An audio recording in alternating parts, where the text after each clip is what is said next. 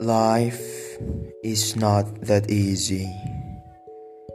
I don't want my life to be useless. But no one cares about me. My soul feels emptiness. Someone said to me, You are so careless. I'll never be free thinking about others.